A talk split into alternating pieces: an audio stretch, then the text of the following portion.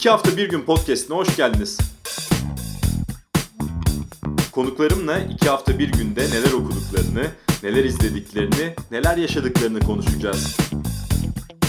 Haydi kitap, dizi, film, olay, anı, deneyim ve daha fazlasını konuşmaya başlayalım.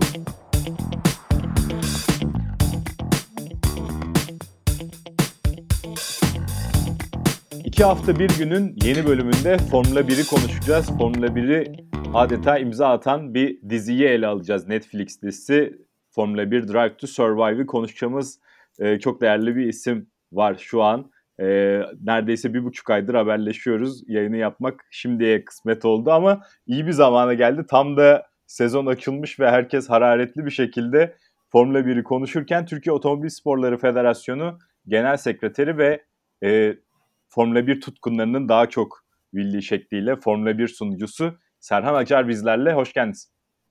Hoş bulduk. Teşekkür ederim davet için. Biraz e, geç oldu, biraz ayıp oldu ama en sonunda buluştuk. Çok yoğun bir dönemi geride bıraktık çünkü federasyonun işleri artık Formula 1 sezonu yaklaşıyordu. Onun için kusura bakmayın daha başlarken. Yok estağfurullah. Benden de kaynaklandı. geldik.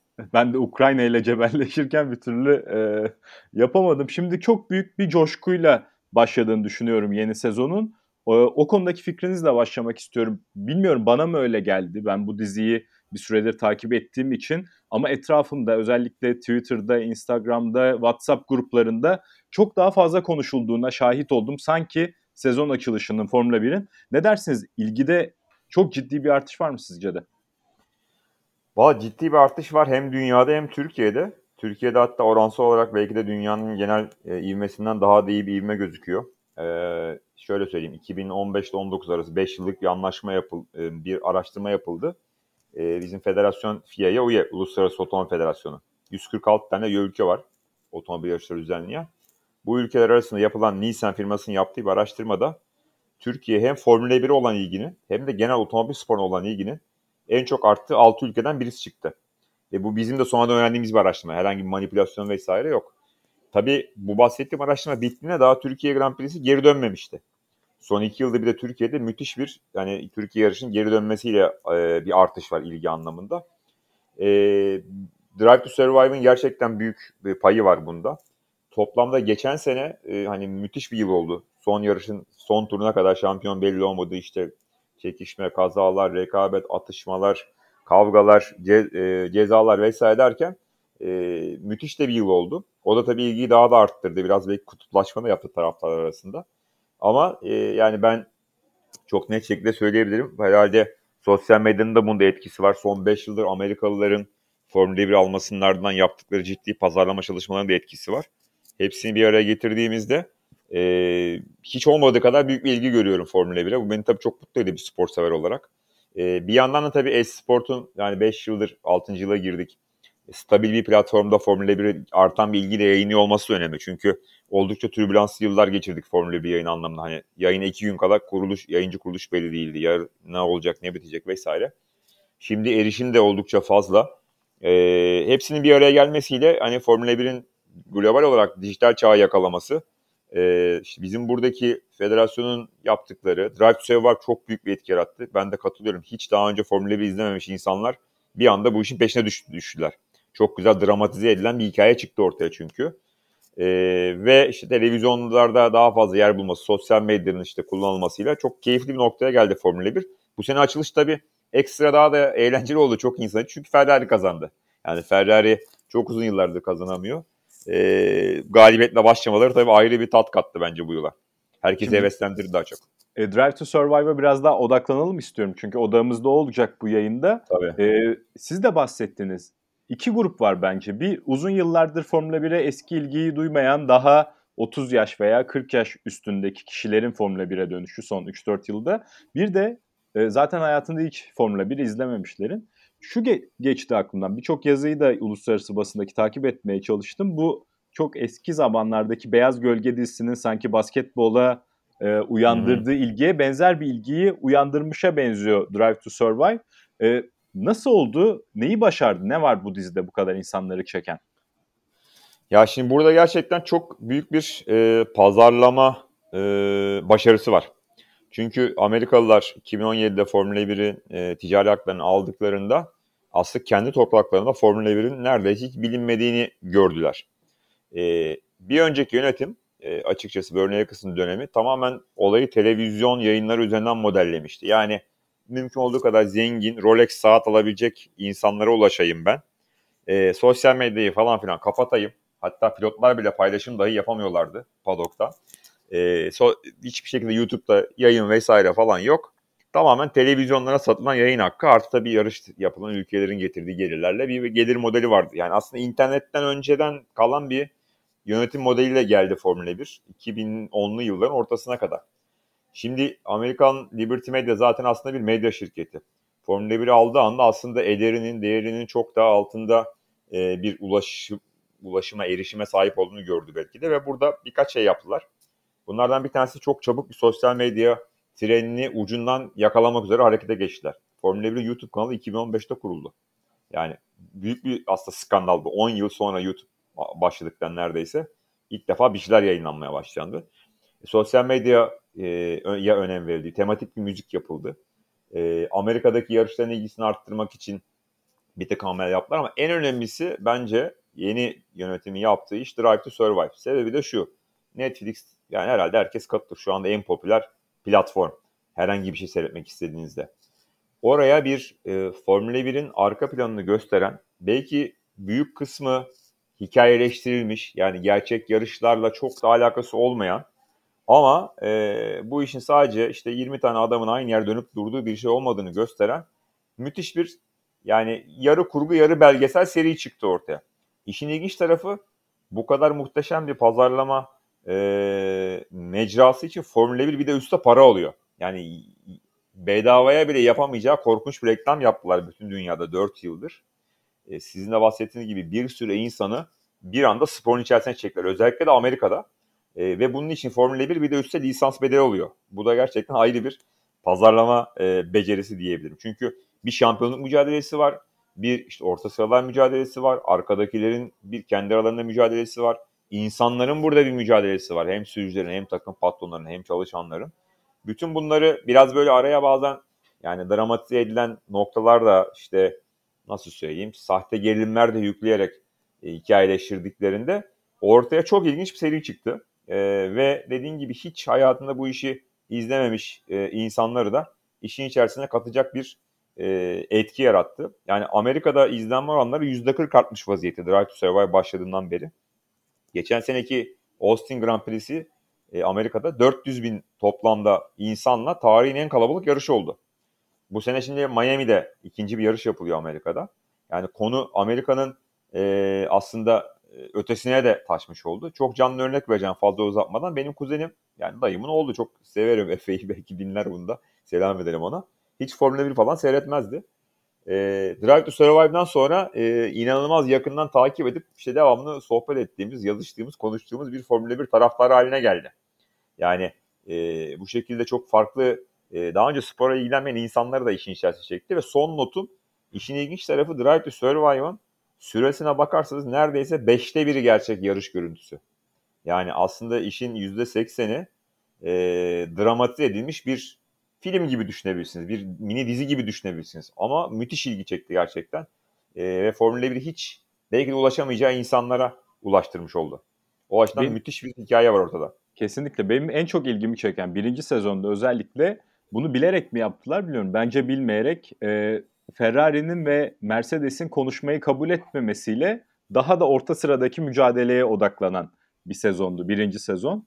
Ve belki onlar olsaydı aynı etkiyi de yaratmayabilirdi. Çünkü biz şuna alışığız özellikle Formula 1'de ve diğer sporlarda da futbolda veya basketbolda hep insan tepeye bakar. Şampiyonluğa oynayan pilotların mücadelesi, takımların mücadelesi bir tepede çok büyük bir birinci sezon itibariyle tepede çok büyük bir mücadele yoktu. Mercedes çok rahat gidiyordu ve dolayısıyla orta sıra daha heyecanlıydı ve odaklanılan oldu. Şuraya getiriyorum lafı. Ee, sadece kazananların taraftar edindiği bir dizi değil Drive to Survive. Ee, orta sıra takımları, aşağıdaki takımları da çok yakından tanıdık. Yöneticilerini, pilotlarını vesaire. Oradaki pilotların bazıları şimdi başı çeken takımlara yükseldiler e, bambaşka bir şekilde takip ediliyor. Hem kazananların hem de kaybedenlerin hikayesi. O yönüyle de ilginç geldi bana. Ve insan hikayesinin işin içerisinde çok katmış vaziyetteler. Yani bu sonuçta bir otomobil yarışı aslında.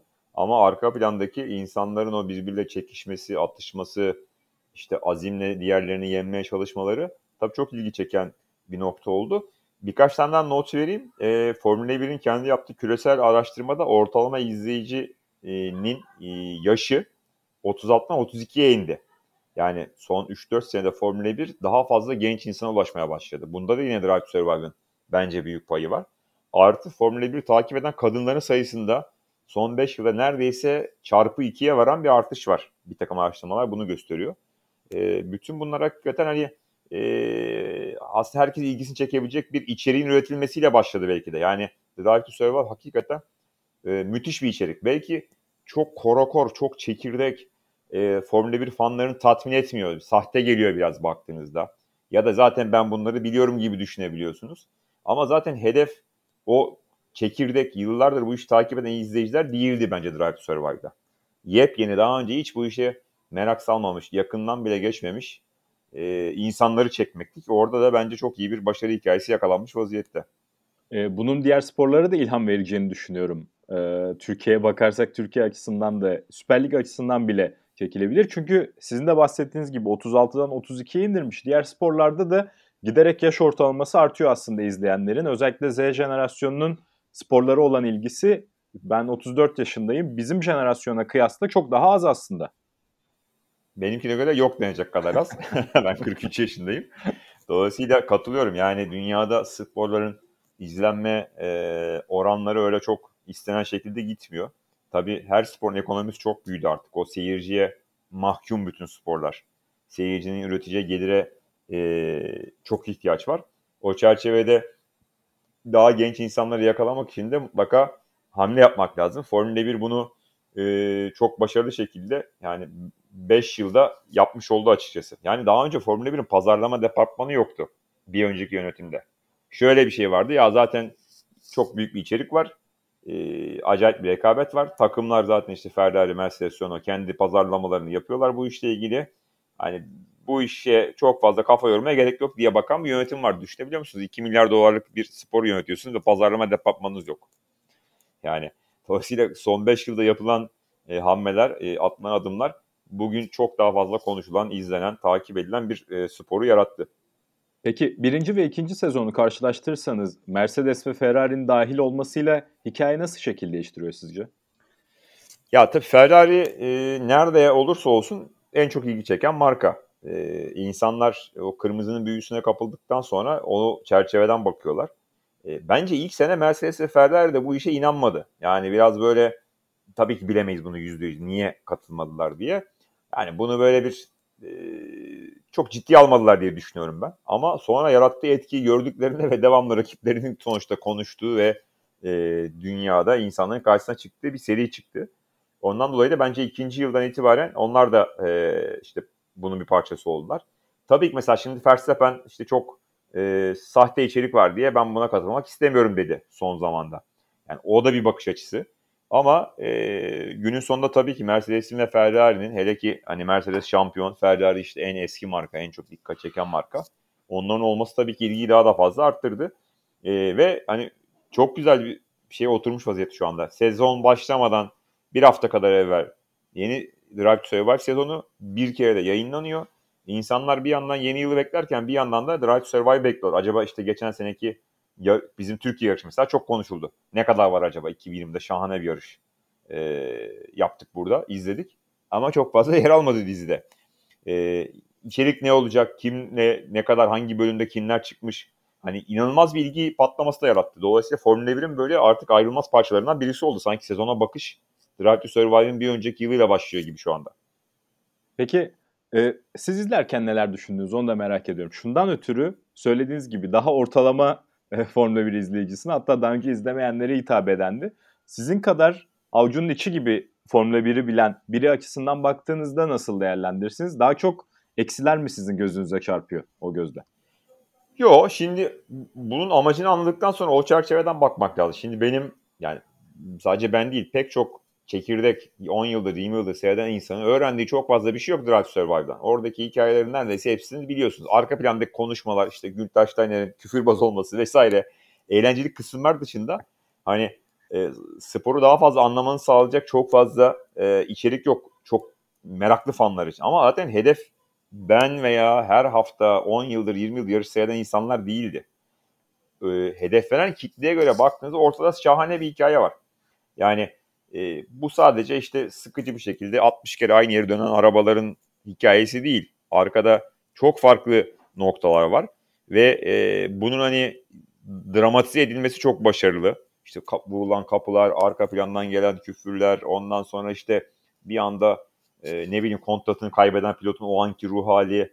E, mesela pek çok yerde aslında kurgu açısından e, bahsedilen olayla görüntülerin uyuşmadığı oluyor. Hani onu anlıyorsunuz.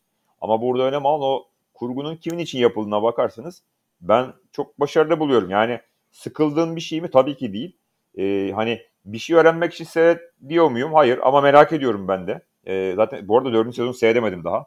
Ee, onun için de hani şimdiden böyle işkemben atıyor gibi olmayayım. Ama günün toplamında ben Formula 1'in ve hani otomobil sporu sever olarak otomobil sporlarının gelişimine müthiş bir katkı yaptığına inanıyorum. O çerçeveden de böyle daha beğenme mantığıyla seyrediyorum. Çünkü dediğim gibi onun yani sonuçta dizinin hedefi yarış anlatan insanlar değil. Ya da 20 yıldır seyreden insanlar da değil. Tam anlamıyla benim kuzenim gibi insanlar. Yani bu işe merak salabilecek ama bugüne kadar bir şekilde çekilememiş işin içerisinde insanları çekmek için süper bir şey yaptılar bence. Ben beğeniyorum yani özetinde. Eleştirmek kolay tabii. Bir sürü işte sahte nokta buluyorsun. Hani ya diyorsun burası böyle değildi. Burayı abartmışlar vesaire ama e, ya amaç zaten her hafta yarış seyreden adamı bir kez daha aynı yarışların farklı bölümlerini göstermek değil. Zaten çünkü 5'te bir yarış görüntüsü. Yani %80'i 5'te 4'ü başka bir hikaye var ortada. Onu da güzel yapıyorlar. Şimdi dördüncü sezona mesela şöyle bir noktadan başlamışlar ki ben de hak veriyorum. 7 sezon üst üste aynı pilotun şampiyon olduğu bir e, sporu izlemek de aslında çok kolay değil. Bir yandan da hani sizle Formula 1'in Formula 1'e olan ilginin ne kadar arttığını konuşurken aslında en zor zamanda arttığını da düşünüyorum. Çünkü aynı takımın ya da aynı ekibin veya aynı sporcunun sürekli şampiyon olması başlarda keyif verici olsa da bir yerden sonra ilgiyi düşüren bir şey olabilir. Dolayısıyla aslında çok zor bir zamanda Formula 1'in bu ilgiyi topladığını düşünüyorum. Ne dersiniz? E, katılıyorum. Bu e, bir şekilde bir takımın ya da bir sporcunun domine ettiği spora ilgi bir süre sonra düşüyor. İnsanlar çünkü bir kazanma hikayesini merak ederek ekran başına geçiyorlar. Hatta genelde insanın doğasında vardır. Daha zayıf olanın kazanması daha çok mutlu eder insanı.